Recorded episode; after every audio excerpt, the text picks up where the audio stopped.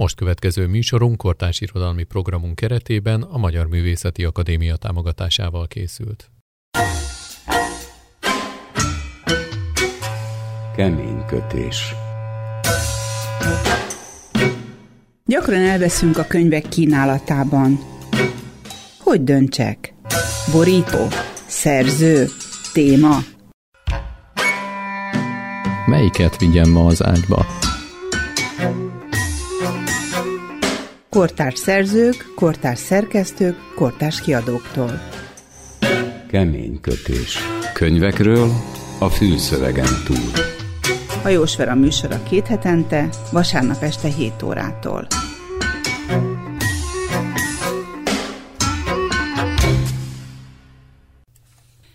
Üdvözlöm, kedves hallgató! Hajós Vera vagyok. Ön a Civil Rádió Keménykötés című műsorának egy részletét hallja. A könyvszerzőjének ez az első regénye. Eddig is könyvekkel, világokkal ismertetett meg minket, de mint fordító. Azt gondolom, hogy a fordítónak bele kell bújnia a szerző alkotta világba, el kell találnia azt a nyelvet, amin az eredeti mű megszólal, mert csak így tudja hitelesen elénk annak világát. Most saját hangján szól hozzánk, és rögtön jól fejbe is kólint ezzel a nyelvvel. Tinédzserekről szól a könyv, nem átlagos fiatalokról, vagy mégis? Ők az átlag, és én élek üvegbúrában? A magvető könyvkiadónál jelent meg Tóth Benedek Holt verseny című regénye. A szerzővel beszélgetünk. Nagyon fejbe vágott a könyvével. Hát, a szereplők, a téma, stílus. Hát igen. Ez, ez most már része az interjú? Igen. Elnézést, csak azt hittem, hogy ez még egy ilyen... Hát ugorjunk a közepébe igazából. Hát ez, ez egy ilyen hasonló tapasztalat így a visszajelzések alapján. Egy elsőre mindenki sokakat így fejbe kólint, vagy, vagy sokkal. Nem volt ez egy szándék. Én nem törekedtem hatásokra, vagy nem gondolkodtam mechanizmusok, vagy mit válthat ki ez egy olvasó, ez, ez abszolút egy belső indítatás volt, nem voltak vele terveim, még az sem volt sokáig biztos, hogy ez valaha megjelenik. Mondhatom úgy, hogy magamnak írtam, és Aha. ezért nem kötöttem kompromisszumokat. Valószínűleg ez lehet a egyik magyarázata arra, hogy ilyen kíméletlen lett a szöveg. Miközben minden porcikámmal tiltakoztam a szöveg és a világ ellen, amibe, amibe bevíz, behúz engem ez a könyv. Hogy éri ezt el? Nem tudom, hogy én vagyok a legmegfelelőbb személy, hogy ezt megválaszoljuk, ezt a kérdést. Ugyanazt tudom erre is mondani. Nem volt szándéka? Nem, ez egy ez teljesen ösztönös dolog. Én nagyon sokáig műfordítással foglalkoztam főállásban, és ennél a fajta munkánál, amit a műfordítás, az ember nem engedheti szabadon magát szárnyalni, vagy hogy mondjam. Egy abszolút egy alázat, egy hűség a szerzői szándékkal szemben, meg, meg a szöveggel szemben is és ez jól rosszul sikerül az embernek nyilván szövegtől függ, vagy, vagy stílustól, hogy mi, mi, mi fekszik jobban. Mindenképpen az egóját félretéve az embernek ilyenkor alá kell rendelni a magát. Ami nem, nem egy rossz dolog, nem, nem úgy mondom, hogy ez kínlódást okozott, mert nyilván tíz évig csináltam, és nagyon szerettem, és ezután is tervezem, hogy fordítok majd.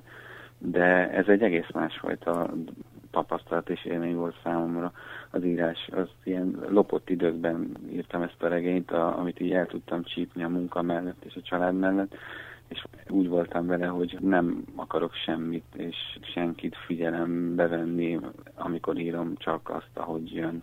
Az, hogy ez a szöveg ilyen lett, vagy hogy így behúzza az embert, és még egyszerre taszítja is, ezt nem tudom milyen hatás, nem törekedtem rá, mm-hmm. hogy mhm. ilyen legyen. Ez, ez így egy ösztönös dolog volt, ahogy, ahogy írtam.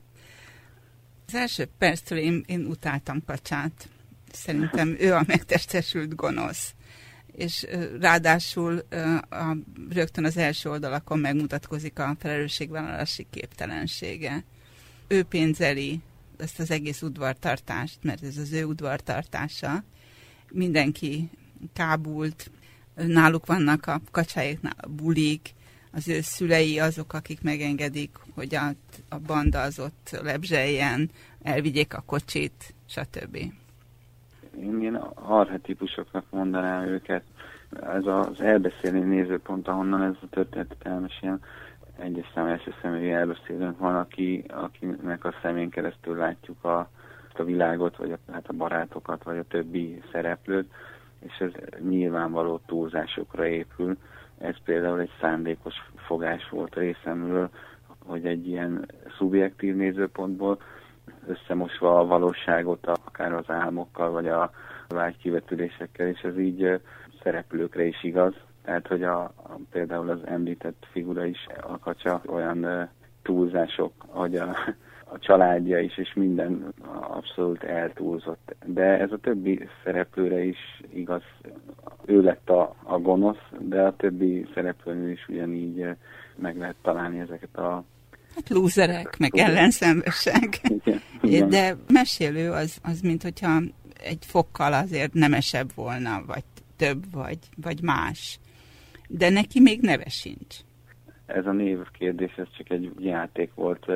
Az elején valahogy nem is kellett megnevezni ezt az elbeszélőt, nem, nem kellett nevet adni neki, nem mutatkozott be, mint mondjuk a laphegyező elbeszélője, de aztán valahogy idővel úgy voltam, hogy csak ilyen saját magam szórakoztatásra kíváncsi voltam, végig lehet-e írni egy ilyen könyvet anélkül, hogy, hogy ezt a szereplőt elnevezném. Magában hogy hívta?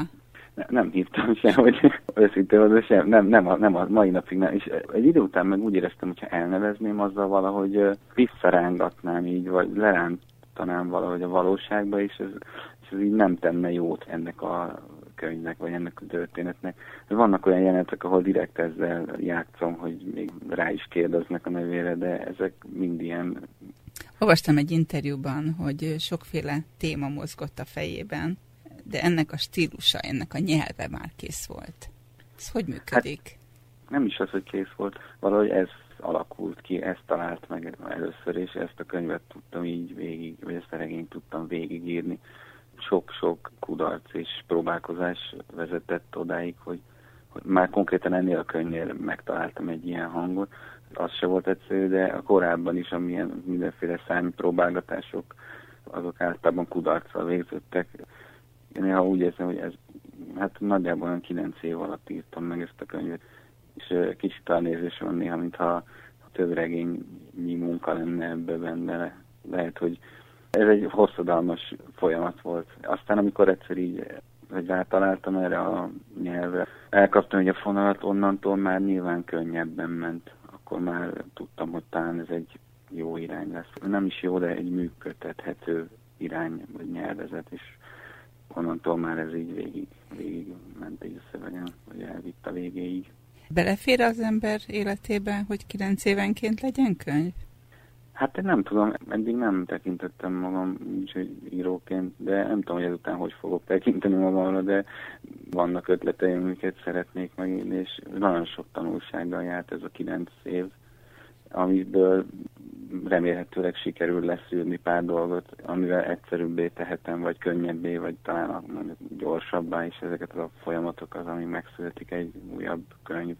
De hogy pontosan mi lesz az, vagy hogy lesz, azt még nem tudom de nem szeretnék kilenc évet várni. Azért ennek voltak nagyon-nagyon, hát nem is egy mély pontja ennek az egésznek. Többször eljutottam odáig, hogy feladom, nem, nem tudom megcsinálni, de aztán valahogy mindig tovább lendültem, meg segítettek környezetemben nagyon sokan ebben.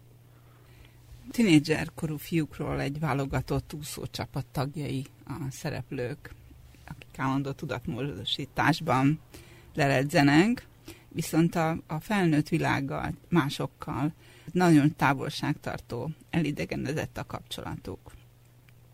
Ez is a szándékos döntések közé tartozik. Nem gyűltem le, hogy most már így fog kinézni ez a világ, hanem ahogy, ahogy alakult, ahogy írtam. Eljutott, hogy például ez a, a szülői háttér, vagy a szülők ábrázolása az is nagyon, mondhatjuk úgy, hogy hiányos, vagy sok esetben szinte csak egy-egy villanásban ismerjük meg, hogy milyen szülői háttere van ezeknek a fiúknak, a szereplőknek, de ez is a szándékos túlzások közé tartozik. Mivel az egész egy ilyen jelen idejű és pillanatokról szól, úgy gondoltam, hogy túlságosan lefékezni a sodrását, hogyha ha én így elkezdeném részletesen megrajzolni a családi hátteret, vagy akár a gyerekkorukat ezeknek a fiúknak, szerintem az egy, az egy egészen más. Ha az ember nagyon elkezd kutakodni, nyilván egy-egy jelenet, egy-egy mondat benne van, vissza lehet fejteni dolgokat, de, de a sokkal inkább... Ez egy másik történet. Igen. Régen jártam a környéken, de semmi nem változott, csak mintha minden összement volna. Rüheltem ide járni. Az összes tanár köcsög volt. A legnagyobb köcsögnek járó díjat a köcsög dirinek lehetett volna odaosztani. Őt még a többi tanár is gyűlölte, de persze fostak tőle is, mindig nekiadtak igazat. Akkor is mellé álltak, amikor másodikban úgy megagyalt, hogy összehugyoztam magam. Lehet, hogy az a verés felnagyobbodott az emlékezetemben, de kb. azóta nem vertek meg úgy. Zolikával is akkor spanoltunk össze. Sosem tudtam meg, miért kaptuk a sallerokat, de arra emlékszem, hogy hát találtam, amikor az a barom lenyomta az első taslit, és üvölteni kezdett, hogy tönkretettük a WC papír tartót. El akartam magyarázni neki, hogy nem mi tettük tönkre, meg hogy amúgy sincs rajta soha papír, de nem hagyott szóhoz jutni. Ha kicsit rutinosabbak vagyunk, talán megúszhattuk volna. Mindenki tudta, hogy a Dirinek ez a hobbija. A szünetekben végigjárta a vécéket és kiosztott pár maflást. Szeretett verekedni, gondolom, van ilyen. Gyengébbekkel meg biztonságosabb bunyózni, azok nem mernek visszaütni. Na mindegy. Aznap a szokásosnál is verekedősebb kedvében volt, és úgy megpofozott minket a lapát tenyerével, hogy mindketten bepisáltunk. Frankón, a gatyánkba. Tudom, hogy ez gáz, de mondjuk elég kicsik voltunk. Négy-öt percig felváltva ütötte a fejünket, aztán a fülünknél fogva berángatott az osztályba. Mázlin volt, mert engem a gyengébbik kezével kapott el, de így is paráztam, hogy leszakad a fülem. Zolikának még a vér is kiserkent a fülcimpájából, aztán kiállított minket a táblához, és az egész osztály előtt jó hosszan fejtegettem, micsoda vérlázító dolog tönkretenni a drága pénzen vásárolt WC papírtartókat, és hogy mekkora utolsó semmire kellő gazemberek vagyunk. Az ófő, az a hülye picsa meg, olyan lelkesen bólogatott hozzá, hogy reménykedni kezdtem, talán megint becsípődik valami ideg a nyakában, mint elsőben, amikor két hétig oldalra billentett fejjel mászkált, és akárhányszor csak hirtelen fordulnia kellett, hangosan felsziszent, mi meg azzal szórakoztunk, hogy mindig a háta mögött ülő kérdezett tőle valamit. Mi meg csak álltunk ott összehugyozott gatyában, mint két lúzer, és égtünk, mint az iraki olajkutak. Az átázott gatya a bőrömhöz tapadt, és egyre hidegebb lett. Kurvára fáztam, de nem csak azért remektem, hanem a sok miatt is. Rendesen be voltunk szarva, az biztos. Zolika csendben pityergett, ő is húgyos gatyában, és minden alkalommal, amikor a diri felemelte a hangját, összerándult és behúzta a nyakát. Az arcán vörös hurkák jelezték, hogy csattantak a pofonok. A köcsök Diri persze már megmurdelt azóta. Ez volt a legjobb, amit tehetett. Valami olyasmit hallottam, hogy sztrókot kapott, vagy mit, és sokáig tolószékben nyomta. Pontosabban nyomták, mert a seggét sem tudta kitörölni a nagy lapát tenyerével. Akkor kellett volna megkeresni. Lett volna pár ötletem, ha egy órára kettesben maradhatok vele, de persze nem voltam elég tökös hozzá. Most már mindegy. Itt lakott a suli mellett. Megállok a kapuja előtt. A lakók listáját nézem a kaputelefonon. Még mindig ki van írva a neve. Ember Lajos. Ezek szerint valaki még itt lakik a családból. Talán a felesége, özvegyemberné. Az órámra nézek és felcsöngetek. Ha nem fogyott el az altatója a maminak, talán meghallja. Várok egy percet. Várok egy percet, és még egyszer ráfekszem a kaputelefon gombjára. Még nyomom, amikor belekrákok egy női hang, hogy ki az? Nem adok neki esélyt, hogy felháborodjon, csak annyit mondok, hogy a férje egy pedofil köcsög volt, mire ő, hogy micsoda? Ki beszél? Én meg üvöltök, hogy a férje segbe kurt egy csomó gyereket. Muszáj üvöltenem, süket, mint az ágyú. De amikor harmadszor üvöltöm telitorokból, hogy a férje egy pervers disznó volt, és kisfiúkat erőszakolt meg, elkussol. Egy mocskos perverz rohadék volt. Néma csend. Felfogta? Üvöltöm. Nincs válasz, csak egy halk kattanás. Aztán, te vagy az, Baláskám? Kilépek a kapuajból, már három lakásban felkapcsolták a lámpát. Kurva gyorsan el kell húzni, mielőtt lejönnek, vagy kihívják a zsarukat. Nyílik egy ablak az első emeleten. A főutca felé indulok, még mindig esik. Meg sírok is, asszám. Megfogadom, hogy soha többet nem jövök erre felé. Niki, a nőkkel, a lányokkal való kapcsolata. Ő a típus, kiről mintázódik, vagy kialakul a, a lányokról alkotott képe a csapatnak. Hát ez megint csak ugyan, ugyanez a kategória, amiről beszéltünk. Hát azt hiszem, hogy ez azért egy elég aktuális vonatkozása a könyvnek talán.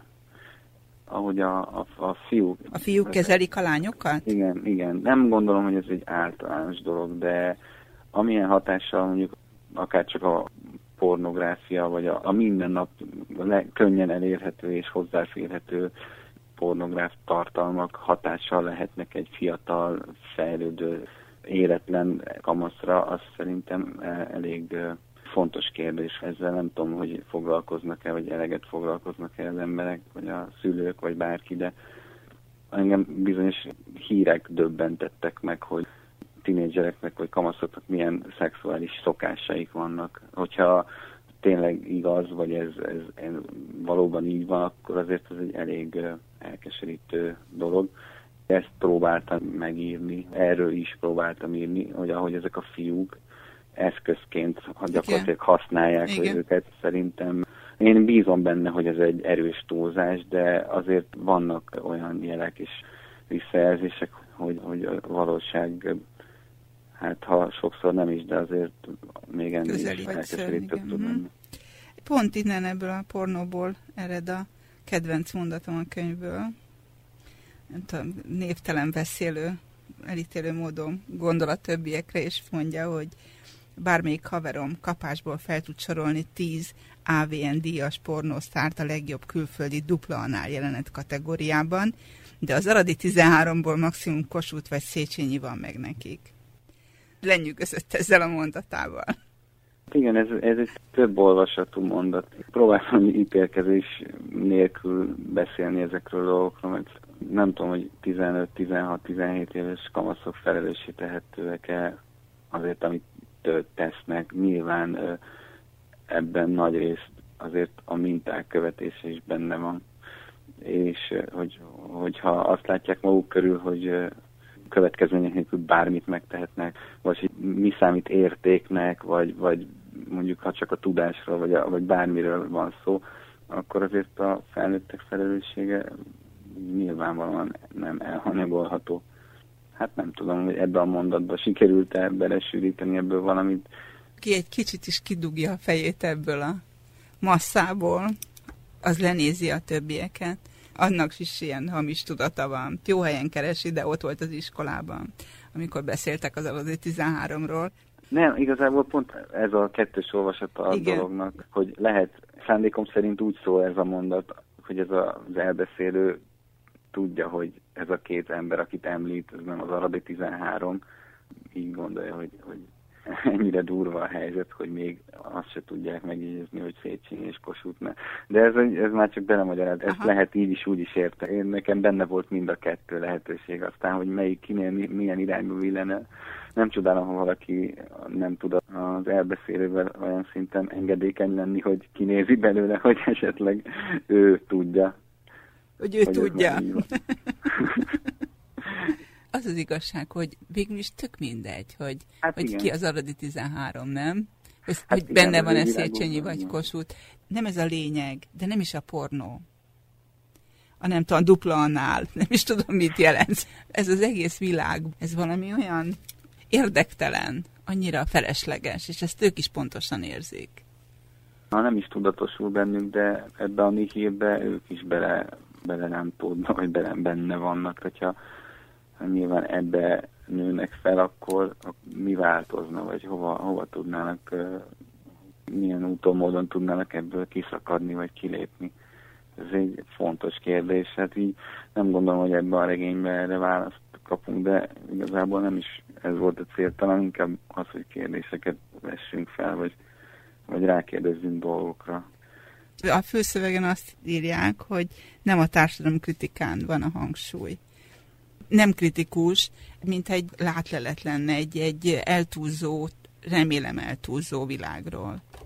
Igen, én is, én is így gondolom. Tehát, hogy nem akartam didaktikusan üzeneteket megfogalmazni. Szerintem az irodalomnak nem feltétlenül az, az a feladata, hogy előre rágott dolgokat így átadjon, vagy oda tegyen mások elé, hogy, hogyha ha ez a könyv azt eléri, hogy esetleg kicsit többet gondolkodunk ezekről a dolgokról, vagy, vagy eszünkbe jut ez meg az, akkor szerintem az már egy működő dolog. A társadalom kritika az szerintem az is benne van, de azért nehéz ezt a szót így erre a könyvre használni, mert olyan szigorú, meg olyan komoly szerintem. A hétvégi Magyar Nemzet Online az év könyvének nevezi a regényt. Olvasta? Igen, igen, olvastam, és nagyon-nagyon jól esett. Azt írják, hogy korunk értékválságát ennél lazábban, és épp ezért ijesztőbben talán nem is lehetne megfogalmazni. Igen, ez, ez egy találom mondat, és nagyon örültem, amikor visszaolvastam. Nem gondolkodtam azon, hogy hogy fogják ezt fogadni, ezt a könyvet.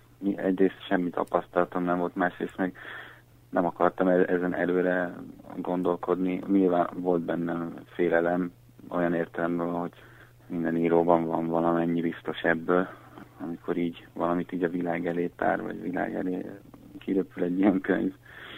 Az jó érzés, amikor ilyen mondatokat olvas az ember, mert akkor tudja, hogy értő közönségre lehet, vagy valahogy átment, ezzel mondani akart. Azt is ott találtam neten egy ilyen információt, hogy készül a könyv filmváltozata, és hogy a forgatókönyvet maga írja. Mit szól ehhez a hirtelen jött sikerhez? Hát, ez engem nagyon melbevágott ez az egész dolog, vagyis hát nagyon, hát egyrészt hatalmas öröm, tehát ez most... Ez még csak egy hónap se, hogy megjelent, nem? Igen.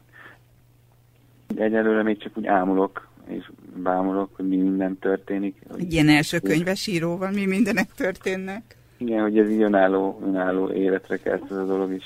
Nem gondoltam erre, hogy ebből valaha bármi más is lehet. Ez egy, az már odáig, hogy meg tudtam írni, az volt az első nagy öröm.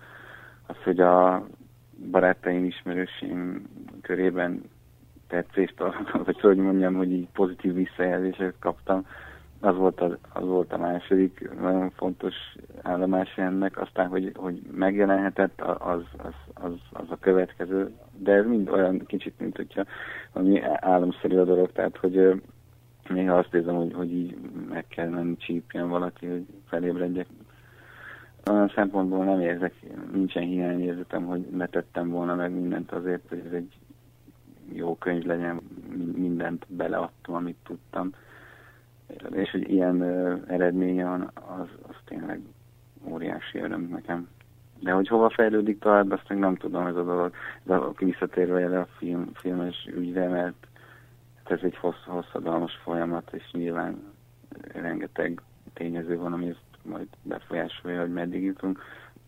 Amikor a mesélő, a névtelen felhívja a lelkisegét, és a, a kedvenc hangú önkéntes lánynak a hangjára önkielégít. Ebben is van egy akkora dupla csavar, egy olyan szomorúság, mesél egy olyan történetet, ami, ami, ami nem létezhet az apjáról, aki megverte, tehát nem élnek, nincs vele egy apa. És hogy a kedvenc hang az vigasztalja. De szeretnék abban a szerepbe tetszelegni, hogy, hogy így sikerült valamit a kamaszkorról úgy általánosságban, arról a fajta befelé fordulásról és magáról, amit nyilván nem mindenkinek, mert azért a többi szereplőnek nem feltétlenül ilyen ez a, ez a kor, de, azért van egy ilyen jelleg ennek az egésznek, hogyha ez, ez sikerült, még ha ilyen drasztikus módon is, vagy olykor ilyen visszajogtató módon megragadni, azért én szerintem akkor, akkor azért valamit megint sikerült így elmondani, vagy, el, vagy leírni. Ismer kamaszokat? Van velük kapcsolata? Nincsenek ilyen napi szinten Aha.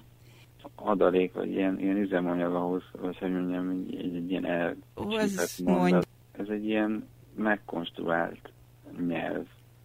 Minden ösztönösségével együtt egy nagyon sokáig kimunkált dolog. az, hogy így miből, milyen elemekből építkezik, az, az csak egy része akár filmekből, interneten, utcán, bárhol elcsíphet olyan mondatokat, félmondatokat, vagy akármit, ami, ami, ami megragadnak, de abból aztán úgy átgyúrni, az, az már egy következő fázisa. És nem, ha ez hiteles ez a hang, akkor nekem ez egy jó érzés, de az biztos, hogy, hogy ez egy kitalált dolog, nyelvi konstrukció, ami vagy működik, vagy nem, hogyha szerencsésebb esetben működik. De hogy, hogy, hogy az utcán így beszélnek, vagy sem, azt, azt, azt nem tudom. Szóval ezért ez a kamasz világ is sokszínű és rengeteg féle. Tóth Benedek szerzővel beszélgettünk Holt verseny című regényéről, ami a magvető kiadó gondozásában jelent meg. Ön a Civil Rádió Keménykötés című műsorának egy részletét hallotta. Ha szívesen hallgatna más könyvekről is hasonló beszélgetést, akkor keresse és hallgassa a Civil Rádió Keménykötés című műsorát. Keménykötés. Könyvekről a fülszövegen túl. Hajós Vera műsora két hetente, vasárnap este 7 órától.